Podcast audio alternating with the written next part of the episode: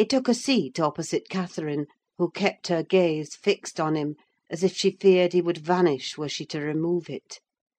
He did not raise his to her often: a quick glance now and then sufficed; but it flashed back, each time more confidently, the undisguised delight he drank from hers.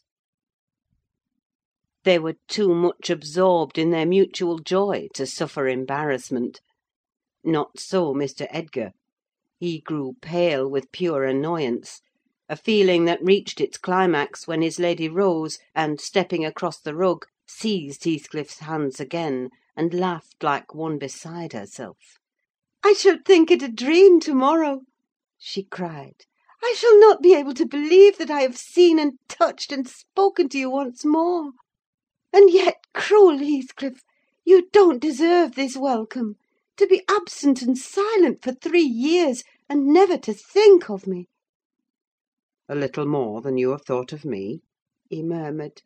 "I heard of your marriage, Cathy, not long since; and while waiting in the yard below, I meditated this plan: just to have one glimpse of your face; a stare of surprise, perhaps, and pretended pleasure: afterwards settle my score with Hindley, and then prevent the law by doing execution on myself. Your welcome has put these ideas out of my mind; but beware of meeting me with another aspect next time. Nay, you'll not drive me off again. You were really sorry for me, were you?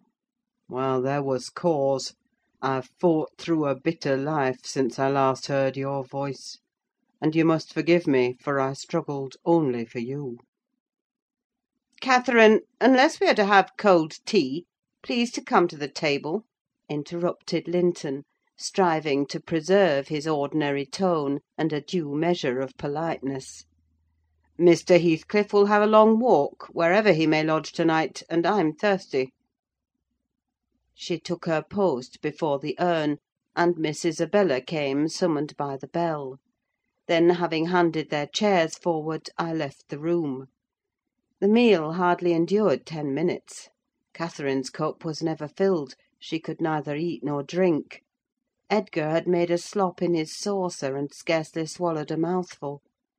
Their guest did not protract his stay that evening above an hour longer. I asked, as he departed, if he went to Gimmerton. "No, to Wuthering Heights," he answered. "Mr. Earnshaw invited me when I called this morning." Mr. Earnshaw invited him! and he called on Mr. Earnshaw! I pondered this sentence painfully after he was gone. Is he turning out a bit of a hypocrite, and coming into the country to work mischief under a cloak? I mused: I had a presentiment in the bottom of my heart that he had better have remained away. About the middle of the night I was wakened from my first nap by Mrs. Linton gliding into my chamber, taking a seat on my bedside, and pulling me by the hair to rouse me. "I cannot rest, Ellen," she said, by way of apology; "and I want some living creature to keep me company in my happiness. Edgar is sulky because I am glad of a thing that does not interest him. He refuses to open his mouth, except to utter pettish, silly speeches; and he affirmed I was cruel and selfish for wishing to talk when he was so sick and sleepy. He always contrives to be sick at the least cross. I gave a few sentences of commendation to Heathcliff, and he, either for a headache or a pang of envy, began to cry; so I got up and left him." "What use is it praising Heathcliff to him?" I answered. "As lads they had an aversion to each other; and Heathcliff would hate just as much to hear him praised: it's human nature. Let Mr. Linton alone about him, unless you would like an open quarrel between them." "But does it not show great weakness?" pursued she. "I'm not envious: I never feel hurt at the brightness of Isabella's yellow hair, and the whiteness of her skin, at her dainty elegance, and the fondness all the family exhibit for her. Even you, Nelly, if we have a dispute sometimes, you back Isabella at once; and I yield like a foolish mother. I call her a darling, and flatter her into a good temper. It pleases her brother to see us cordial, and that pleases me. But they're very much alike: they are spoiled children, and fancy the world was made for their accommodation; and though I humour both, I think a smart chastisement might improve them all the same." "You're mistaken, Mrs. Linton," said I. "They humour you. I know what there would be to do if they did not. You can well afford to indulge their passing whims, as long as their business is to anticipate all your desires. You may, however, fall out at last over something of equal consequence to both sides; and then those you term weak are very capable of being as obstinate as you." "And then we shall fight to the death, shan't we, Nelly?" she returned, laughing. "No, I tell you, I have such faith in Linton's love, that I believe I might kill him, and he wouldn't wish to retaliate." I advised her to value him the more for his affection. "I do," she answered.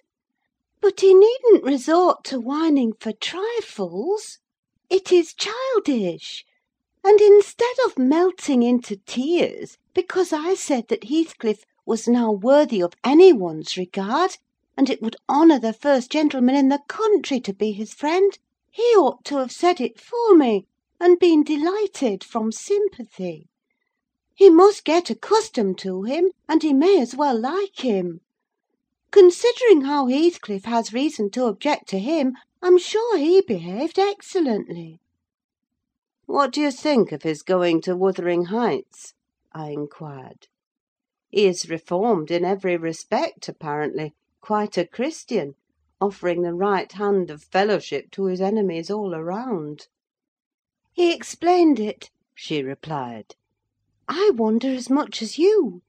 He said he called to gather information concerning me from you, supposing you resided there still; and Joseph told Hindley, who came out and fell to questioning him of what he had been doing, and how he had been living, and finally desired him to walk in.